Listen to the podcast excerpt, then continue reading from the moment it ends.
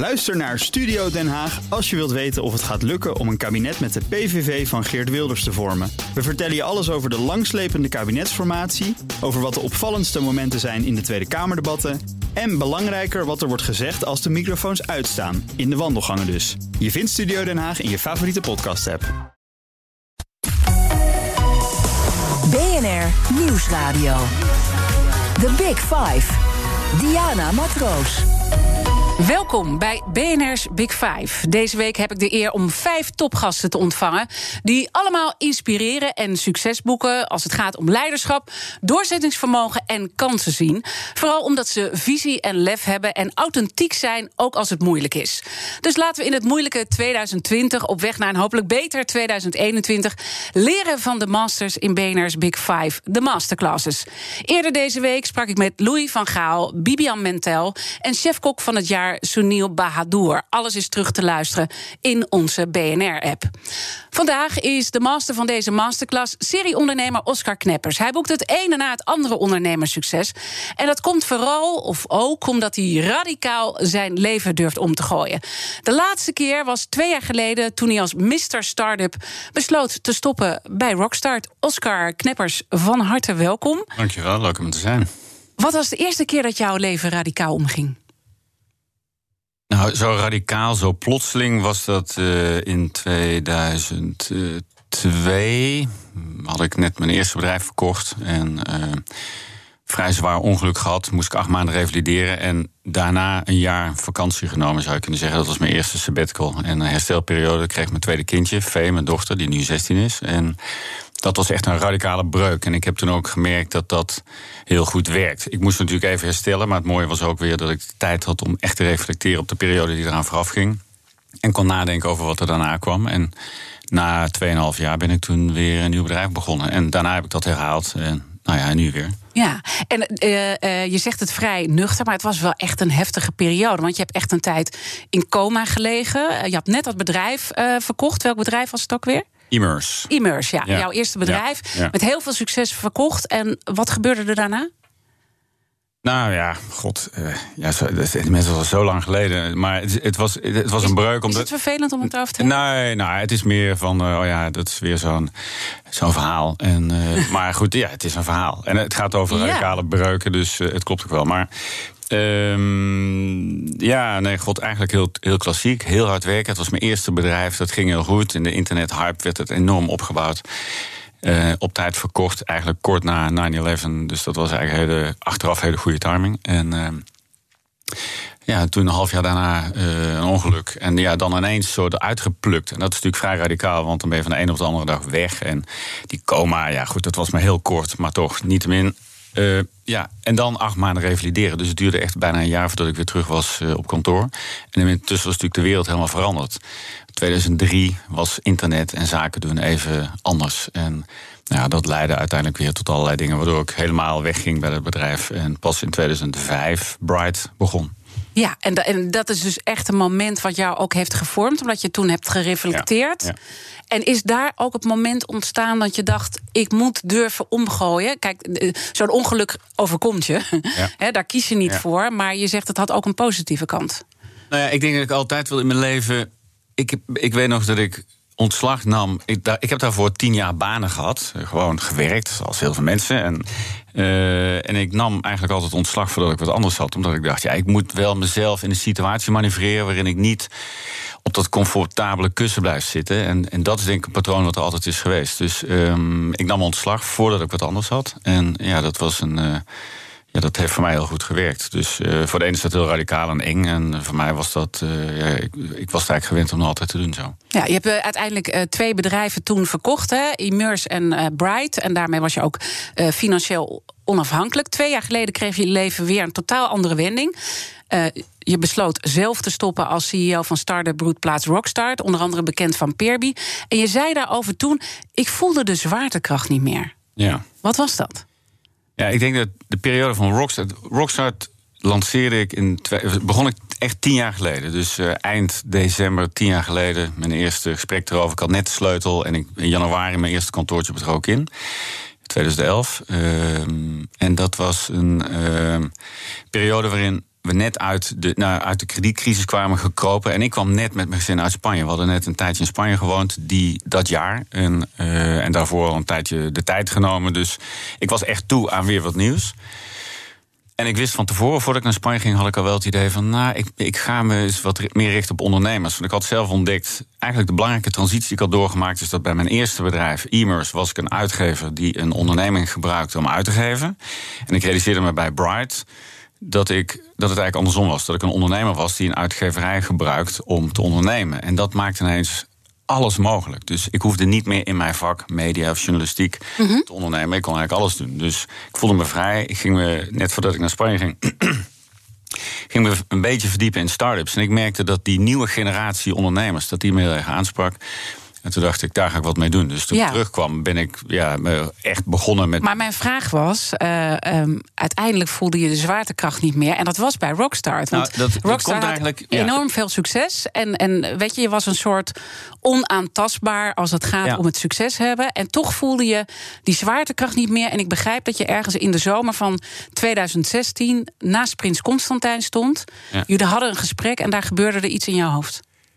Nou, ik maakte inderdaad een beetje lange aanloop, maar het, was een, het was een tijd van echt nog aan de grond werken en bouwen. Maar dat werd al heel snel zo vluchtig en snel. Er zat een enorme snelheid in Rockstar. Het ging over technologie, over start-ups, over VC-geld, over internationaliseren, over snel groeien, vele tientallen bedrijven eh, verder helpen. Dus dat heeft een enorme snelheid. En als dat hard gaat eh, en je hebt. De applausmachine staat altijd aan. Dat is eigenlijk een beetje het verraderlijke effect. En dat kende ik van eerdere momenten in mijn leven. Dan ga je zelf een beetje zweven. En als je dan heel veel bevestiging krijgt. En ik was op dat moment in 2016, toen ik eh, de sleutels aan mijn opvolger gaf, aan de huidige CEO. Was ik eigenlijk alleen maar eh, op reis op podia in de wereld het Rockstart-verhaal en, en, en het evangelie van ondernemerschap aan het En vertellen. je was En een soort heerlijk. rockster natuurlijk ook. En werd overal waar ik werd ontvangen was het... Nou ja, een beetje dat gevoel. Dus er stond altijd iemand met een clipboard klaar om me naar een podium te brengen... en een flesje water in mijn handen te drukken. En, nou, en dat is heerlijk, geweldig voor je ego. Was ik me ook heel bewust van op dat moment. Maar ik weet nog dat ik een keer in Minsk op het podium stond en dacht... Nee, dit, dit, dit, ga- dit kan ik gewoon niet meer zo blijven vertellen. Ik was niet aan het jokken. Alles wat ik vertel is waar en ik ben een verhalenverteller. Maar ik had het zo vaak verteld en elke keer weer dat verhaal en die aanloop. En toen dacht ik, nee, dit, dit, hier, ik sta hier niet mezelf. En dat is een beetje. Je voelde het niet meer. Ik voelde het niet meer. En ik dacht, ja, als ik het niet voel, dan is er altijd iemand die dat ook voelt of ruikt. En ja, dat is het begin van het einde. Dus eh, ik moet zelf weer even afdalen. En ja, dat is eigenlijk wat ik deed. En toen dacht ik, Ja. dit is het moment om langzaam En toch even terug naar dat eh, gesprek met Prins Constantijn eh, in de zomer. Daar hebben jullie een eh, gesprek gehad. En toen zei eigenlijk: ja, het gaat e- eigenlijk wel eh, goed. eh, fantastisch. Maar het, het stormde ook in jouw hoofd. En net noemde ik even hyper midlife crisis. Ja, ja. Toen zei je: oh, dan heb je dat hoort weer. Ja, ja. Nou, het grappige was, ik stond inderdaad met Constantijn op het dak van B Amsterdam. Geweldige plek, heel veel planten en mooi uitzicht, mooi weer ook. Lekkere witte wijn. En daar kwam ik Rutger Bedlem tegen, een journalist van het FD. En wij raakten in gesprek. En we kennen elkaar al, al lang. Van het begin van, van Rockstart waren we regelmatig in gesprek. En hij vroeg een beetje door. En, ja, en ik zat toen echt in de, nou, ik weet niet meer precies wanneer het was, maar dat moet de zomer van 16 zijn geweest. En ja, toen waren er wel een boel dingen aan de hand. En ik heb dat een soort samengevat in een super mid of een hyper midlife crisis. Maar ik merkte dat het weggaan bij Rockstart, dat ging niet helemaal vanzelf. Eh, privé had ik wel dingen aan de hand. Ja, en dat. Ja, dat, en dat kon ik wel een beetje weglachen. Maar ja, met terugwerkende kracht, toen ik dat gesprek met Rutger had in 2018, ja, toen had Met hij ook wel door. Ja, eh, ja, met Constantijn, waar hij toevallig bij kwam Ja. staan. Eh, nou, werd het uiteindelijk eh, ja, een periode van storm, inderdaad. Ja, Ja, en die eh, midlife crisis heb je afgewend? ja nou, afgewend niet, gewoon dwars doorheen gaan. Ja? Echt, eh, ja, echt knalhard doorheen. Ja, gewoon echt wel gevoel van verlies en machteloosheid in een periode van kort na dat vertrek bij Rockstart. Ehm, ja, dat, dat, dat, dat, ken ik ook van eerdere momenten. Dat is echt gewoon accepteren dat je even door de modder moet eh, ploegen. En ja, dat was toen ook aan de hand. Dus ik moest echt eh, aan het werk. En zo'n sabbatical klinkt natuurlijk helemaal romantisch. En dat is ook heel fijn en belangrijk om te doen. En dat Twee jaar, moet vooral best doen. lekker, ja. Precies. Maar het is ook groot En als je onderhoud. financieel onafhankelijk bent, is dat natuurlijk nog lekkerder. Nou ja, dat is ook weer een ander verhaal. Maar kijk, die. Wat ja, is het andere verhaal dan? Nou, financieel onafhankelijk. Kijk, ik heb wel geld verdiend, maar dat gaat ook best snel weer op. Hè. Dus uh, ik, ga, ik, kijk elke keer weer naar de bodem en denk ik, verroest, ik moet weer wat gaan doen. Dus dat is, uh, het is niet zo dat ik de rest van mijn leven niet meer hoef te werken. Maar ik denk dat die dat er doorheen ploegen, dat was gewoon nodig. En, um, en het voordeel van zo'n sabbatical is dat je echt groot onderhoud kan doen. Dus het is gewoon uitrusten, luieren, veel sporten, gezond eten, de tijd nemen voor dingen. En je bent natuurlijk, behalve ondernemer, ben je ook. Ik heb zes broers en zussen. Ik had toen een moeder die aan Alzheimer leed, die vorig jaar overleed. Uh, ik heb een gezin met jonge opgroeiende, of jong, uh, inmiddels pubers, 20 en 16. Je, dus je bent zoveel dingen, dus daar heb je dan ook de tijd voor. Dus het is ook echt groot onderhoud. Dus je zegt, ik herken het, uh, om door zo'n eigenlijk je, je, maakt jezelf vrij en dat wil jij ook. Want je voelt op dat moment dat applaus. Ik ben die rockstar. Ik, ik, ik, ik wil dit niet. Dit is niet wie ik ben. Ik, ik stap daaruit. Nou, ik wil het wel. Het is ook heerlijk. Ik geniet ervan op het moment ja. dat, het, dat het gaande is. Maar ik weet ook van ja, dit is niet, dit ben ik, dit is niet ik. Dit is, uh, dit is een rol die ik speel. die is heel aangenaam. Maar dat is, ja, dat is niet noodzakelijk helemaal wie ik ben. En ik, ik moest daar toevallig toen ik hier naartoe fietsen. Er zijn nu zoveel ondernemers die iets uit hun handen wordt geslagen in deze crisis. En ik denk dat het uh, nadeel daarvan is, is als je daar heel erg mee identificeert, dat dat ook heel erg veel impact heeft op, je, ja, op hoe je naar jezelf kijkt. En wat zou je dan die ondernemers die nu in die situatie zitten willen adviseren? Ja, ik, ik, ik textte toevallig vanmorgen een vriend van me die in zo'n situatie zit. Van ja, the only way out is through. Je moet er echt doorheen. En het is ook, je zult achteraf zien dat dat ook prettig was. Dus uh, dat het niet leuk is. En dat hoeft ook helemaal niet. Maar je moet echt gewoon doorheen ja, god, het monster in de bek kijken. Dat idee. Ja, en dat monster in de bek kijken, dat vind ik dan heel uh, fascinerend. Want jij zoekt hem dus bewust op. Hè? Eh, de eerste keer overkwam het je, maar nu zoek, zoek je hem bewust op. Want dat heb je uit dat uh, revalidatietraject geleerd... dat dat ook heel waardevol kan zijn. Ja. Wat is dan de diepte die in jezelf tegenkomt? Nou, ik denk dat God, jij, je, je zult wat mee als je. Ik ben nu bijna 55, dus je, hebt, je zult nogal wat mee in je leven. Je hebt er wel een heleboel gebeurtenissen en ervaringen. En bij groot onderhoud merk je pas dat sommige plekken gewoon versleten zijn. En dat je daar, daar moet, echt aan moet werken. Dus. Um, ja, god, dat, is zo complex. Dat zijn zoveel dingen. Weet je, dat zijn familiedingen, dat zijn uh, uh, relatiedingen. Hoe je vindt dat je als ouder hebt gedaan. Hoe je vindt dat je met aandeelhouders hebt, uh, conflicten hebt gehandeld. Al die dingen, weet je, dat is echt onderhoud. Ja, maar, maar zit dat ook in, in jou? Want, want alles wat ik over je lees en ook je broer heeft wat dingen over je gezegd. Je bent als een soort V8-motor, weet je wel. Er zit geen rem op. Je gaat eindeloos. We hebben elkaar in 2016 ook bij ZZP Café, mijn programma toen, gesproken. Toen zat je net in dat moment. En je bent iemand die helemaal voluit gaat, geen rem heeft en dus ook wel aan die rem moet trekken op een gegeven moment.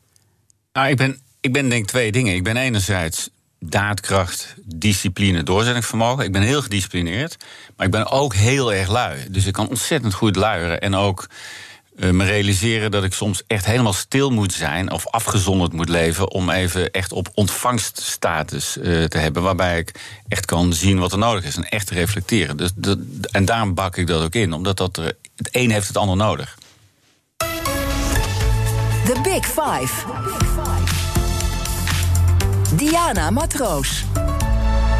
Deze week praat ik met vijf kopstukken die ons kunnen inspireren tot moedige stappen in 2021. Zo spreek ik morgen met Katelijne Broers, de nieuwe directeur van het Prins Bernhard Fonds. En vandaag is mijn gast Oscar Kneppers, die al drie keer met succes een eigen bedrijf begon en weer verkocht. En vervolgens uh, steeds een sabbatical van, nou ja, in ieder geval de laatste keer was het uh, twee jaar. Begin van het jaar, nog voor de coronacrisis, was je anderhalve maand in Tokio. En daar heb je met uitzicht op een kruispunt een manifest geschreven. Have we forgot? Wat is de kern daarvan? Ja, het is een ode aan alles wat, uh, wat, waar, waar ambachten voor staan. Dus het is een, je zou het kunnen zeggen, het is een romantische verhandeling of een liederlijke liefdesverklaring aan het ambacht. Aan alles wat is gemaakt met liefde en wat een, wat een ziel heeft. En ik heb in Afgelopen uh, januari, februari heb ik twee maanden in Japan gezeten om me daarin te verdiepen, om dat te doen. En uh, ik kwam op dat idee eigenlijk door een aantal ervaringen in mijn eigen leven, waardoor ik merkte dat, die, dat er een. Dat wat we net ook noemen zwaartekracht, dat dingen die een verhaal hebben, dat die, dat die heel veel meer waarde hebben dan je op het eerste gezicht ziet of denkt. En ik dacht, nou, en ik had zo'n paar ervaringen en een paar verhalen achter elkaar zo de afgelopen twee jaar opgepikt. En ik dacht, ga me daar eens in verdiepen. Volgens mij is daar wat te doen. En nou ja, de beste manier daarvoor is voor mij om af te zonderen en vervolgens echt te verdiepen. En dat leidde in dit geval tot dat manifest dat ik in uh, februari schreef. Ja. Het is ook eigenlijk een beetje een aanklacht, als je hem goed leest, tegen het hele vluchtige, moderne leven waar we met z'n allen in zitten, waar we voornamelijk met ons hoofd op het internet leven. Het gaat om productie, het gaat om massamarkt. Waarom vind je het belangrijk om dat punt te maken? Want je bent zelf ook onderdeel van dat leven ja, geweest. Nee, ik, ben, ik ben een onderdeel van dat leven. Ik heb er heerlijk uh, op gesurfd. Maar de, ik, ik realiseerde me toevallig op een avond tijdens het schrijven. Ik had een huisgenoot, een Amerikaanse illustrator die een film aan het maken was in dezelfde artist residency waar ik woonde in Tokio. En tijdens het schrijven, en ik zat echt gewoon aan een tafeltje met een, in een heel kleine uh, galerie te werken. En op diezelfde avond kwam er vier keer een fietscourier, fiets- en een brommelcourier eten brengen voor één en dezelfde mens. Uh, dat was mijn huisgenoot, die Amerikaanse daar zat. En die was helemaal geconcentreerd, een filmscript aan schrijven. En natuurlijk, misschien had ze geen tijd om naar de winkel te gaan. Maar ik dacht, wacht even. Vier keer iemand inschakelen voor één maaltijd... Waar, waar ik dan de helft ook nog in de prullenbak zag belanden. En dat vond ik zo obscene en zo pervers. En ik dacht, nou, dit... En ja, dat heb ik eigenlijk verweven in dat verhaal van... God, ja, wat win je nou eigenlijk als je zoveel tijd denkt te winnen... door niet zelf even naar de winkel te gaan of zelf even te koken? Ik kookte daar zelf vrij veel. Wat win je dan eigenlijk? Ja, eigenlijk helemaal niet gek veel. Dan voel je gewoon steeds meer afstand tot het eten. En dat was eigenlijk koren op de molen die ik net aan had staan... waar ik juist had ervaren dat iets waar waar een, waar een verhaal in aan hangt of een ziel in zit, dat dat zoveel diepere bevrediging geeft. Ik dacht, het is ook ja, een beetje armoe om zoveel armoe, te zoveel kopen. te ja. En uh, ja. ja. ik ga er weer eens even goed over nadenken, want ik hou ook van kopen. Ja. en we hebben het allemaal. Nou ja, God, er is helemaal niks mis mee. Maar het is Nee. ook, je moet zien voor wat het is. En ik denk dat eh, dat, eh, God, die, dat manifest is, is, ja, wat ik al zeg, het is een beetje een romantische verhandeling eerder dan, dan een aanklacht. Alleen ik, vind, ik vond ook, omdat het zo'n zo'n heldere ervaring was, dat ik het moet noemen. En ook omdat het niet, ja, ik zie niet heel veel mensen heel erg gelukkig worden van alles uitbesteden. En Ja. ik zie heel veel mensen juist heel gelukkig worden als ze iets doen, of met hun handen, of waar gewoon tijd in zit. En dat hebben we natuurlijk door die coronacrisis een beetje gedwongen eh, ervaren. Want ik merk ook dat ik in, ja. in dat denkproces zelf ook eh, wel zit. Denk je dat we dat vast gaan houden als straks de boel weer gaat draaien? Want hè, we gaan straks praten over wat je met die ambachten precies eh, wil. Maar de kern is toch die aanklacht hè, die je doet tegen dat, dat massale. En, en ga weer voor het tastbare. Gaan we dat durven pakken, denk jij? Nou, ik denk niet iedereen. En dat hoeft ook helemaal niet. Ehm, maar eh, het is ook een soort. Kijk, als, als ook in mijn leven zo'n zaadje geplant wordt door een ervaring, door een gewaarwording. eh, of dat het eigenlijk een gewaarwording in gang zet, waardoor ik ga nadenken: hé, hey, wat betekent het eigenlijk?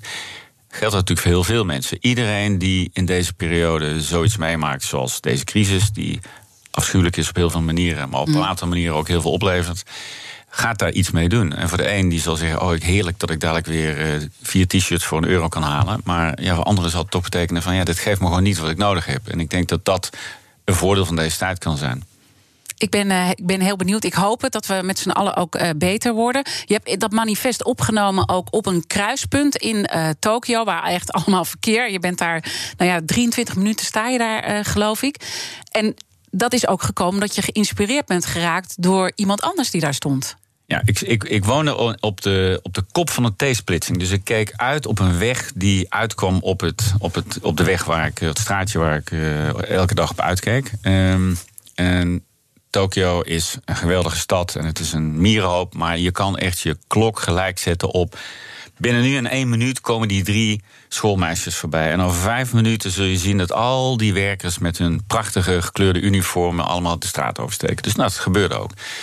Ik woonde tegenover een heel vreemd, of een, normaal pandje met een beetje gesloten ramen. En daar wandelde vaak een vrouw uit. En op een dag stond die vrouw, terwijl ik zat schrijven achter het raam en op dat kruispunt uitkeek, wat een druk kruispunt was, of splitsing, ging die vrouw midden op straat staan. Op, de, op, de, midden, op, de T, midden op het hart van de T van de T-splitsing. En die bleef daar gewoon staan, kijken, die straat in. Een hele mooie, bewegelijke straat, gebeurde van alles.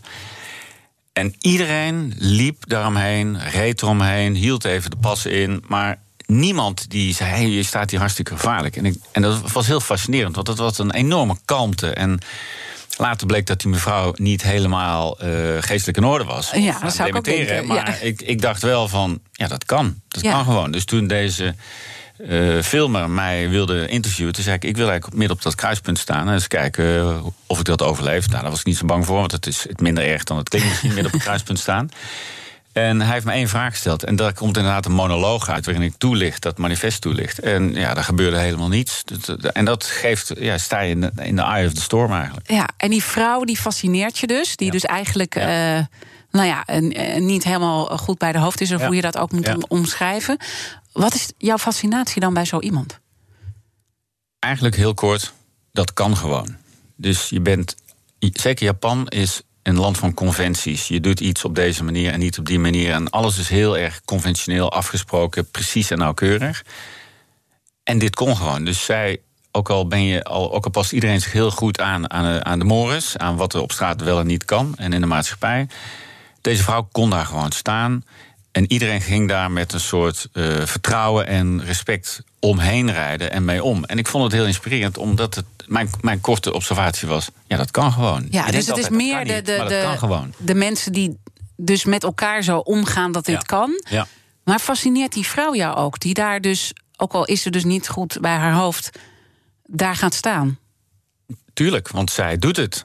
Zij staat daar en niet iemand anders. Dus wat, het is eigenlijk altijd mensen die iets doen of een stap naar voren zetten of een voorbeeld uh, zijn of laten zien, die anderen inspireert. En dus mij in dit geval ook. Uh, en dat is die stap zetten.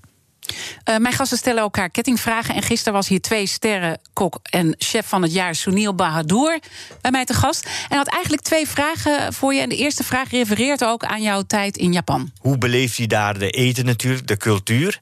En waarom hij een, uh, zeg maar een uh, software met hardware een, uh, verruilt. In die zin dat hij een, iets tastbaar wil doen. En altijd was hij met techniek bezig en computer en zo. Hoe, waar haalt hij die drive vandaan?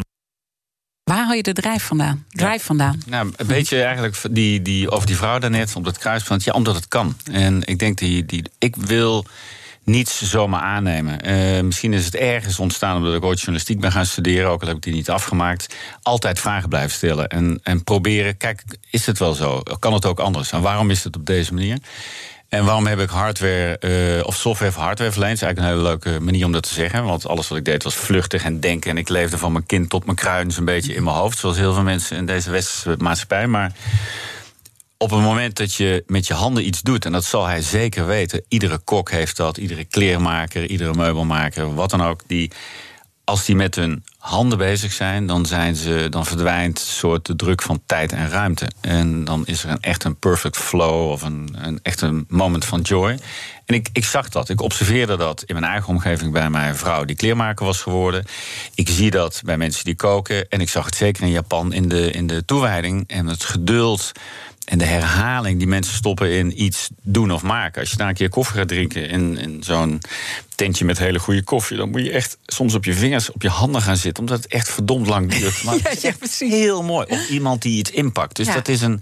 Je krijgt er eigenlijk ruimte voor terug. Ja, dus je krijgt eigenlijk heel veel voor terug. En, uh, en daarom deed ik dat. Ik had zelf een paar ervaringen. Ik had een paar mooie verhalen gehoord. En ik dacht, ja, dit wil ik zelf gaan onderzoeken. En, uh, ja. Laten we daar dan uh, straks over verder praten. Wat je wil met die ambachten, met serieondernemer Oscar Kneppers, praat ik daarover verder. En welke rol intuïtie speelt bij het ondernemen. En wat je daar ook het beste mee kunt doen om uiteindelijk succes te boeken. Tot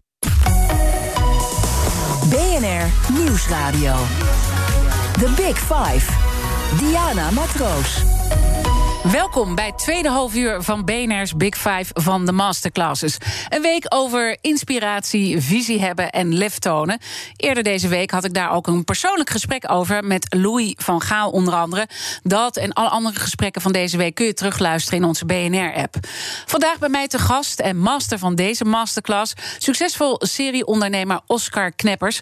Oscar, we waren net op het punt uh, gekomen dat manifest wat je hebt uh, gemaakt, de keuze uh, dat je echt wil gaan richten op ambachten om dingen echt weer te voelen. Dus echt die maakindustrie uh, te omarmen. En net in de commercial break hadden we het ook het gesprek uh, over eh, het terugkijken en vooruitkijken. Ik stelde je een aantal vragen om ook terug te kijken op jouw leven. En je zegt, daar ben ik eigenlijk helemaal niet meer. Ja, inderdaad. Dus dat is interessante informatie en een kader van het verhaal. En het is ook prima en het is goed om het erover te hebben. En het, het maakt dingen vaak ook duidelijk. Ik merk dat ik net zo'n periode van dikke, nou, wat is het, twee, twee, drie jaar. Ja, er is natuurlijk extra bonusjaar bijgekomen. Dus zeg drie, drie, drie, vier jaar misschien wel. Uh, heel erg bezig ben geweest met het verleden. En niet, niet echt het verleden met een grote V, maar eerder van, ja, gewoon, oké, wat heb ik eigenlijk allemaal geleerd? Wat wil ik niet meer in mijn leven? Wat wel? Waar sta ik voor? Uh, wat is er allemaal gebeurd? Nou, bla bla bla. En, en sinds kort, eigenlijk oorspronkelijk in maart dit jaar, toen ik dat manifest publiceerde. En vervolgens eigenlijk pas in september, toen ik echt weer kon beginnen, omdat we even oponthoud hadden vanwege deze. Uh, dat alles op slot ging merk ik, oh heerlijk dat, dat ik zit. Ik bedoel, ik zit zeker niet in een, in een snelheid. Ik zit echt op een fietsje. Het is alsof ik een beetje langs de Amstel hier naartoe fiets in de zon. Met een soort onbevangen nieuwsgierigheid. Heel ontvankelijk voor wat er gaat komen. En, uh, en dat is mijn huidige mindset. En dat is ook, herken ik ook, dat, dat heb ik nodig om weer tot iets te komen, om iets te maken. Dat is onbevangen, onbevoordeeld, luisteren, kijken wat ik proef. En daar zit denk ik, dat is heel erg mijn intuïtie gebruiken en mijn geest slijpen, als het punt slijpen dat te doen. En als ik, ik merk in het gesprek zojuist dat als ik dan praat, als ik dingen hoor van het verleden, denk ik, oh ja, dat is waar ook. Dat is natuurlijk, dat herhaalt zich, maar dat vind ik zelf eigenlijk helemaal niet meer zo interessant. Nee. Dat is het eigenlijk. Ja, en, en, en dat vind ik heel mooi dat je dat zegt. Want eigenlijk wat je doet, is elke keer je leven radicaal uh, omgooien. Dan de tijd nemen om te reflecteren op Ja. dat verleden. Ja. En daar trek je dan een conclusie uit. En, en je gaat door een diep dal, hè, want dat heb je ook wel beschreven. En dat dat, dat een echt, daar ga je doorheen. En dan sluit je het af en dan blijf je dus ook niet meer in het verleden hangen. Volgens mij niet. Ik heb ook geen last van het verleden. En het is ook niet dat ik het helemaal moet. Het, het- wat ik niet doe, is proberen het in eh, beton te gieten, ketting erom en afzinken in de diepe oceaan. Nee, ik wil juist er helemaal doorheen om het te voelen. Dat voel ik ook als een, als een kans om al die kanten van jezelf te zien. En mijn leven is gevuld met licht, kan ik wel zeggen. En eh, ik voel altijd hoop en belofte voor wat ik kan doen en wat er mogelijk is en wat er voor me ligt en welk bereik ik heb, bla bla bla. Maar het is soms ook donker en dat moet je ook ja, voelen. En ik, ik, ik hou er heel erg van. Want het, eh, ja, god, ja, het is echt zo banaal. Maar ja, licht kan niet zonder donker. Ga zo maar door. Eh, Het worden ja, hele dat maakt ook. eh, teksten. denk, ik, oh ja, dat is waar ook. En ik zit inmiddels weer een soort op een fiets. Ik rij weer richting de zon. En, ehm, en, en dan herinner ik me de dingen die gebeurd zijn. En ik, ach ja. Ja, maar ik ook. denk dat dit wel een heel belangrijk recept voor succes is. En dat zeg ik Ja, ook ja, omdat ik. Een eh, bijzonder gesprek met Annemarie van Gaal heb gehad in de zomer. En dat ging ook, het was, het was de week van de Self-Made Men and Women. En zij zei: eh, het recept voor succes is dat je. eh, als je naar het verleden staat, dan sta je met de rug naar de toekomst. Ja. En dat vond ik heel mooi hoe ze dat zei. En eigenlijk zeg jij dat ook. Van je moet wel reflecteren op dat verleden, maar blijf er niet in hangen. En Blijf niet in hangen. Nou, ik vind Annemarie geweldig inspirerend in dat opzicht. Ze was Ja. ooit aandeelhouder in mijn, in mijn tweede bedrijf, in Oh, dat Bright. wist ik niet. Ze heeft me Ja. ooit de beste tip ever als ondernemer gegeven. En dat is, je bent te veel in je bedrijf aan het werken. Je moet veel meer aan je bedrijf werken. Nou, dat was echt een fundamentele shift in mijn denken. Zij zegt dat heel goed. Je, als, jij met, als je met je verleden bezig bent, wat je soms echt moet doen... en dat kan in zo'n periode ook wel, dan sta je met je rug naar de toekomst. En zo voel ik dat ook. Dus ik ben afgelopen maanden, denk ik, begin dit jaar... door naar, naar Tokio te gaan, eh, weer om gaan draaien naar de toekomst. En er is zo'n prachtige strip van Heinz, die kat, zo'n stripje. En die, die zie je 's morgens een grot uitkomen. En die zegt dan profetisch, kijkt hij in de verte... en dan zegt hij, richt je blik naar de zon... en de schaduw zal altijd achter je vallen. Ja, dat is toch te mooi, hè? ja, dat, is, dat, dat is wat, dat, is, dat is wat je Zo, eh, zo voelt. doe ik dingen, denk ik. Zo kijk ik naar. En ja. eh, als je dan naar Annemarie van Gaal... eh, leuk, leuk dat je dat over haar zegt. We, we vinden haar dus allebei ook inspirerend. Ja. Eh, niet te veel in je bedrijf werken, maar aan je bedrijf. Als je dan nu kijkt op het punt, hè, je zit op het fietsje, je ziet de zon... en vandaag schijnt letterlijk de zon, dus dat Ja. is ook wel eh, heel erg mooi. Je wil echt iets maken van die ambachten. Ja. Hoe pak je dat dan aan eh, om dat tot leven te gaan brengen?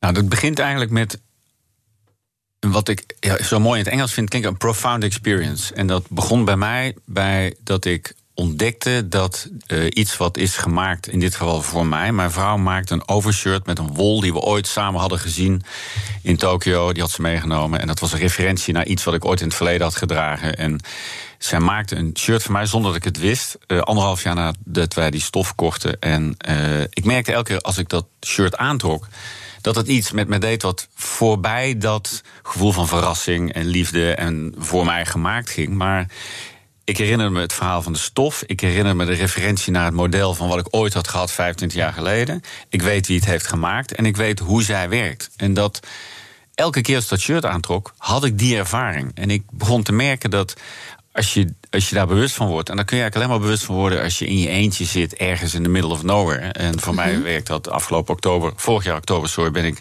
eerste maand in afzondering in Spanje gaan zitten om helemaal alleen te zijn. En daar ben ik gaan verdiepen in wat betekenen nou die ervaringen voor je levensgeluk of voor wat je kan en wil mhm. in je leven? En daar heb ik besloten, ik ga me richten om meer van die verhalen te verzamelen om te kijken wat dat doet met mensen. En dat kan ik eigenlijk alleen maar doen op een plek die me niet elke keer in dezelfde patronen laat vervallen. Dus dan, dan ga je echt terug naar, naar, naar, jezelf. En dat is natuurlijk ook dat, die tijd in Japan geweest. En toen kwam dat manifest. Maar nu hè, eh, zoek ik van wat wil je dan neerzetten en hoe werk je daar aan? Want je praat met mensen nu. Hè? Ja, dat is eigenlijk dus waar. Dus, ik heb die ervaring. Ja, sorry, ik ging je weer nee, nee, maar dat komt eigenlijk wel. Ik heb die ervaring. Ja. Dan denk ik, daar moet ik wat mee. En dan mhm. geef ik me ruimte voor mijn intuïtie om te voelen wat daar dan eigenlijk leeft en gebeurt. En dan denk ik, oké, aan de slag. En vervolgens publiceer ik dat manifest. Uh, en heb ik wat uh, publicitaire rugwind gehad de afgelopen maand of twee maanden. En dan merk ik, ja, dit is precies het werk waar ik, waar ik zo van hou. Dan begin ik als een soort zeef steeds meer te zeven van wat komt er nou eigenlijk op me af. En als er dan iemand die de oudste kroonluchters van Nederland uit 1646 maakt... en daar de mallen van laat zien en de handleidingen van de 17e eeuw... en iemand die... Kijk, ik, mijn doel is niet om zielige oude mannetjes die in ateliers zitten te werken te redden van de ondergang. Het gaat niet over ambacht zelf. Het gaat over de essentie van ambacht. En dat is herhaling, geduld, precisie, nauwkeurigheid. En het blijven, blijven volhouden om dingen. om beter te worden in dingen. En mijn huidige proces in het bouwen van dit bedrijf Origin, wat ik nu aan het beginnen ben, is. Wat is eigenlijk de essentie daarvan? En hoe kan ik dat naar de volgende tijd brengen? Hoe kan ik dat voor nu relevant maken? En daar maak je wandelingen met mensen die met ambachten bezig zijn op een bepaalde manier. In de zin zoals jij het uh, bedoelt. Dus je noemde ook al die oude kroonluchtenfabriek. Maar je praat ook met hele jonge mensen. Hè? Uh, dus de, het is een heel divers, uh, diverse groep. En hoe gaat dan zo'n wandeling? Wat gebeurt er dan? Ik ben, ja, dat zei ik net toevallig ook. Ik merk dan hoe fijn het is dat je zo'n journalistieke kijk hebt. Dat je eindeloos vragen kan stellen over. Ja, maar wat doe je dan precies? En waarom, ik, ik maakte deze week een wandeling met een jonge vrouw van 28 die een carrière had in economics, business, finance bij een groot, een van de big five uh, heeft gewerkt. En, uh, en besloot op haar 28ste of 27ste om met uh, traditionele weefsels, stoffen, textiel uit mhm. Mali, Afrika te gaan werken en daar kussens van te maken.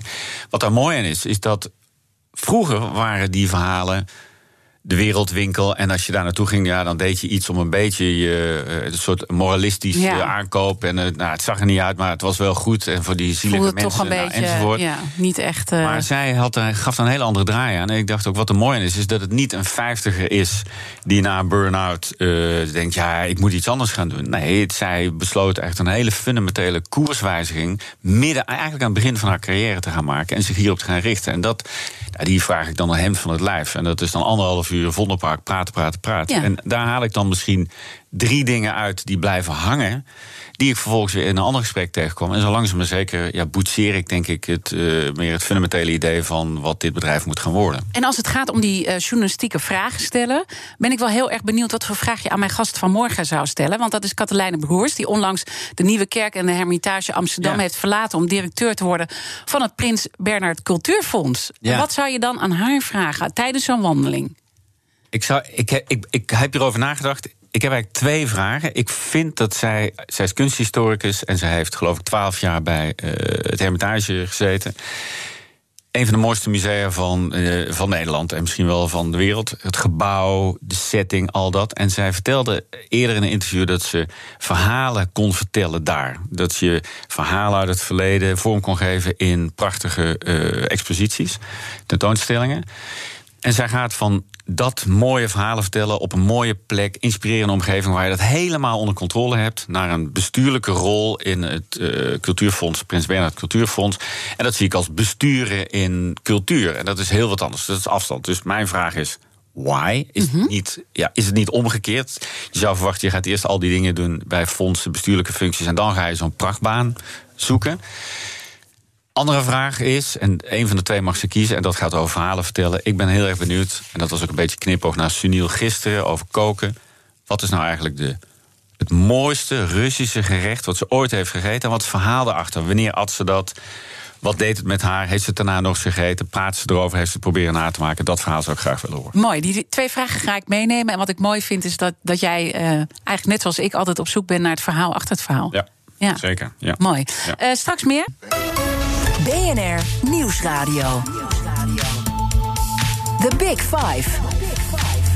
Diana Matroos. Je luistert naar BNR's Big Five van de Masterclasses. Mijn gast vandaag is serieondernemer Oscar Kneppers... die een aantal uh, keer uh, zijn leven radicaal heeft uh, omgegooid... en elke keer weer een succesvol bedrijf weet neer te zetten. En dit keer wil je dus richten op die ambachten... Um, je hebt aangegeven waarom je het belangrijk vindt. Dat je nu dus die wandelingen maakt met mensen die een ambacht of, of dat willen gaan doen. En, en daar heel erg journalistieke vragen, want dat is jouw basis, hè, de journalistiek. En dan zeg je langzaam worden de contouren duidelijk wat ik dan ja. uh, wil doen. Wat is nu wat je wilt doen uiteindelijk en waar zoek je nog? Nou, dat zoeken stopt voorlopig niet, denk ik. Maar ik, er beginnen wel een soort dingen ik, ik merk dat als je praat met uh, de, de, mensen die op me afkwamen de afgelopen weken, honderden reacties, uh, die. Dat, dat is van allerlei soorten. Dat is gebiedsontwikkelaars die hardware ontwikkelen, gebouwen op plekken in, in dit geval Amsterdam. Die zoeken software. En dat herken ik nog van de Rockstar-tijd. Heel veel mensen met gebouwen dachten: ik moet die start-ups hebben, want dan heb ik dat gebouw snel vol zitten. Dus die ja. zoeken software. Dus dat soort vragen investeerders, uh, echte ambachters, eenpitters die dingetjes doen, kleine fabrieken. Van alles en nog wat. Uh, wat ik merk is dat, wat ik een beetje herken van de, de, de begin van de rockstart-periode, is dat mensen zoeken naar een soort samenhang. En ik realiseerde me dat. Ook een van de dingen die ik in Japan zag is... er zijn heel veel hele goede tradities om iets te maken of om iets te doen. Neem even die kroonluchters. Maar op een gegeven moment is er niet een volgende generatie. Vroeger, lang geleden, had je het gilde. En het gilde zorgde ervoor dat er continuïteit was, belangeloos, niet voor één, maar voor iedereen in dat vak, in dat ambacht. Dus een van de contouren die voor mij zichtbaar wordt, is dat je een soort het nieuwe gilde kan gaan invullen, waarbij je samen gaat brengen in omgevingen waar mensen dingen maken. En dat, kunnen, dat kan over de grenzen van de ambachten zijn. Het vroege gilde was natuurlijk, je had het gilde voor die leerbewerkers of wat dan ook. En dat mhm. waren allemaal zuilen. Dat zijn ook allemaal wel zuilen, omdat ze allemaal verschillende soorten processen en, en, uh, en ateliers hebben. Maar ze spreken wel elkaars taal, net als kunstenaars en net als andere ondernemers trouwens. Ze spreken dezelfde taal. Dus een nieuw gilde, dat zou voor mij wat zijn. En het tweede is een soort meesterschapsfonds. Dus met Rockstart hebben we veel geïnvesteerd in startups met geld van uh, eh, VC's en, en, en angels om snel groei te realiseren bij technologiebedrijven. En ik denk dat een fonds voor ambachten en meesterschap, laat ik het daar maar even mee samenvatten. Ik kan de juiste woorden niet helemaal vinden, maar laten we zeggen meesterschap is eigenlijk wel mooier uh, geld te gaan zoeken bij family offices. Dus families die gewend zijn om lange termijn, generaties lang te denken.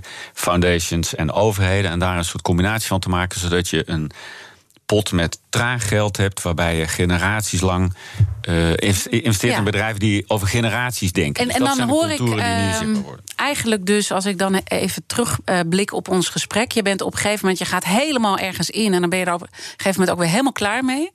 En nu hoor ik jou zeggen, uh, traag geld, de lange termijn. Je wil dit echt ook voor een tijdje gaan doen. Een ambacht is het opnieuw doen en opnieuw doen. Hoe lang ga jij dat volhouden? Ja, dat is heel grappig. Nou, wat, wat natuurlijk heel confronterend is, als je met mensen praat die heel goed dingen kunnen maken is dat je natuurlijk meteen jezelf de vraag stelt: ja, wat kan ik nou eigenlijk? Ik kan ouwehoeren en ik kan een beetje schrijven, maar ik ben in niks echt het allerbest. Dus dat is best confronterend. Want ik ben soms echt jaloers op die bijna meditatieve staat die Ja. makers bereiken door te maken. Ehm, ik ben gewoon je vraag vergeten. Nou, ik vraag me dus af, als ik even de persoon Oscar Kneppers Oh ja, even. lange termijn. mm, Ja, je bent iemand van op een gegeven moment ben je er helemaal, je gaat helemaal de diepte in en dan ben je klaar. En nou wil je opeens iets voor de hele lange termijn gaan doen. Ja, nou ja, ik ben nu bijna 55. Ik dacht, nou, hoe mooi zou het nou zijn dat ik een bedrijf bouw. wat in theorie naar mijn kinderen kan over, zeg even, 30 jaar. Ik kan toch nog wel tot mijn 85ste werken, denk ik dan. En eh, Mhm. ja. weet ik veel hoe lang. Wie weet, misschien nog wel langer. Maar het is, het is eigenlijk een andere mindset. In plaats van te denken, ik ga iets bouwen wat ik over vijf jaar eh, misschien niet meer interessant vind en dan ga verkopen en, enzovoort, enzovoort. Een beetje mijn modus operandi tot nu toe. Vind ik het interessant ook als experiment, maar ook gewoon als een soort grondige operatie. Laat ik eens bouwen wat, niet, wat wel op een gegeven moment echt geld gaat verdienen, zodat ik daar. Dat is De kunst van ondernemerschap is te kijken wat er bestaat en daar een. Mhm. Ja, want waar ga je geld aan verdienen dan? Ja, dat weet ik ook nog niet precies. Dat is het hele punt van deze exercitie. Is, ik weet wat het over gaat. Ik weet waar een soort gevoel van relevantie en urgentie is. Waar je geld vandaan wil halen, weet je ook. Waar ik geld vandaan wil halen, weet ik inmiddels ook. Maar hoe ik daar precies geld ga verdienen, dat weet ik nog niet. Maar dat is natuurlijk de kunst van ondernemerschap, is dat uit te vogelen op een duurzame manier te doen. Maar als ik die. Ik verwacht wel dat ik dat binnen een half jaar gevonden heb. Dat dan te doen op een manier waarbij ik kijk. Dit kan ik 30 jaar doen en ik moet het zo bouwen, structureren in vorm en in zeg maar aandeelhouderschap of stakeholdership misschien nog meer. Hoe ik dit kan overdragen aan een volgende generatie in plaats van daar weer uit te gaan en mijn, soort mijn, mijn linkeroog op de exit te houden. Ja, ja, dus je bent je dat is echt gewoon heel dus interessant. ook op dat punt eh, echt opnieuw aan het uitvinden. En dat zeg je, dat Ja. vind ik boeiend interessant. Vind je het ook spannend of je het wel Heel kan? erg. Ja, ik vind dat eh, echt jezelf vertragen, lange, lange termijn. Ik ben. Ik, ja, ik hou van snelheid en ik hou Ja. van nieuwe ervaringen. Maar die hoeven niet noodzakelijk uit alleen een bedrijf te komen. En ik merk ook dat nu ik praat met mensen die fysieke dingen maken, dingen waar de zwaartekracht vat op heeft, zou je kunnen zeggen. In plaats van oplossingen die leven in, nou ja, in telefoons. Die, hè, die, die, die, die. Wat natuurlijk echt zijn. een verdere vlucht gaat nemen. Hè? Ja, dus, eh, tuurlijk. Maar je wil Nee, daar ja, iets tegenover stellen. En daar ben, daar ben ik natuurlijk... eh, Die beker heb ik echt le- goed leeggedronken. Maar ehm, is die... Kan ik dat ook? Het is voor mij ook wel een interessant experiment. Kan ik dat? En Ja. Dat, ja, dat wil ik gewoon aangaan. Mooi. Als ik dan kijk naar mensen die nu zelf eh, zoekende zijn, hè, want je zegt het gaat om je intuïtie, daar op af durven gaan, maar ja, misschien dat mensen helemaal niet die intuïtie meer voelen. Dus, dus hoe, hoe jij ervaart het al zoveel keer en daar, daardoor weet je waar je instapt en wat je gaat doen. En je hebt ook, eh, nou ja, je zegt je, je moet altijd blijven werken, eh, dus, hè, maar slecht heb je het niet. Hoe, hoe kom je tot dat punt dat je dat kan? Nou, je bereikt eigenlijk in stilte en afzondering... en bij voorkeur in de natuur... en het liefst ook nog een omgeving die niet te vanzelfsprekend is voor je... Ja, dan pas kun je horen wat, je, wat overstemd wordt normaal door alles om je heen. Door verwachtingen, door mensen, door patronen, door het verkeer, alles. En ik, voor mij, wat voor mij heel goed werkt, is afzondering. En ehm, ja, wat ik net al vertel, ik ben eerst een maand in Spanje gaan zitten... Af, eh, oktober vorig jaar, 2019 om echt na te denken van ja, wat, wat, wat, is nou, wat is nou eigenlijk blijven hangen van de afgelopen tien jaar, waar ik wat eh, mee kan en wat betekent dat nou eigenlijk? En ja, gewoon in je eentje elke dag wandelen, eten, slapen, lezen, schrijven. Dan geef je ruimte aan je intuïtie. En ik denk dat ja, je hoort dat niet, of je, je, je hebt dan een sensatie of een gevoel, maar je kan het niet verder kristalliseren of, of, of concreet maken. Als je de hele dag maar in die versnelling Ja, dus je zit. moet ruimte maken, ruimte om, maken die- om die intuïtie achterna te gaan. Ja. Eh, maar ik denk dat het al heel knap is dat jij ook aanvoelt. Hè, even terug naar het begin van ons gesprek. Rockstart. Je werd als die rockster behandeld. Je vond het aan één kant fijn, maar je dacht. Ik, ik, ik voel het niet meer. Je moet dan wel ook kunnen voelen dat dat moment daar is. Die, die ervaring van ik ben niet dit, maar ik doe dit. Ja, het is eigenlijk zo'n open deur. Dat is gewoon een heel belangrijk besef. En dat heb ik elke keer eigenlijk. Van, ja, de, Maar hoe kom je tot dat punt dat jij dat, dat, jij dat voelt? Is dat, ik weet, ik weet Ja. dat je heel fanatiek een tijd yoga hebt gedaan. Is, is dat het wat, wat, waardoor je. Want ik denk dat ook. nou, Een heleboel mensen voelen zichzelf ook wel, maar soms voel je jezelf ook, denk ik, niet meer. Omdat je als een terrein gaat. En daar moet ik ook, denk ik, mezelf vertragen en afzonderen om dat wel te voelen. Ja. Ehm, Iedereen heeft het gevoel ooit ergens dat er iets knaagt, schuurt, vraagt, uh, trekt, weet ik veel. En ja, dat zijn gewoon die signalen. Het is allemaal niks hoekjes. Het is niet spooky, het is gewoon heel eenvoudig. Je weet gewoon wel, hmm, misschien beter niet een goed idee. Misschien anders doen. En als je dat maar vaak genoeg hebt, dan weet je gewoon ja, dat je er even tijd voor moet maken. En dat is het gewoon tijd voor. En is dat ook wat je hoopt bij andere mensen dat er gebeurt als ze dit gesprek hebben geluisterd? Oh ja, altijd. Ik denk altijd, iedereen, woorden als succes en, al die dingen. Het gaat uiteindelijk gewoon over, ja, je wil. Voor mij is deze hele rit, het hele leven, uh, ook maar een beetje ontdekken wie ik ben en wat ik kan. En uh, ja, dan, ik hoop echt dat mensen altijd proberen te zoeken naar ja, wat wil ik nou zelf echt zelf. En dat je eigenlijk dus altijd jezelf opnieuw aan het ontdekken bent. Wie ben je nou echt? Altijd. Altijd. Mooi. Ik wil je heel erg danken uh, voor je komst. Oscar Kneppers. En uh, natuurlijk zijn deze en alle andere afleveringen van BNR's Big Five... zoals altijd terug te luisteren in de podcast-app uh, van BNR en bnr.nl. Maar blijf natuurlijk live straks Jurgen Rijman met het programma Ask Me Anything. Ik wens iedereen een mooie dag. Ook Thomas van Zeil vind je in de BNR-app. Je kunt live naar mij luisteren in Zaken doen. De BNR-app met breaking news, het laatste zakelijke nieuws... en je vindt er alle BNR-podcasts, bijvoorbeeld Het Nieuwe Geld. Download nu de gratis BNR-app en blijf scherp.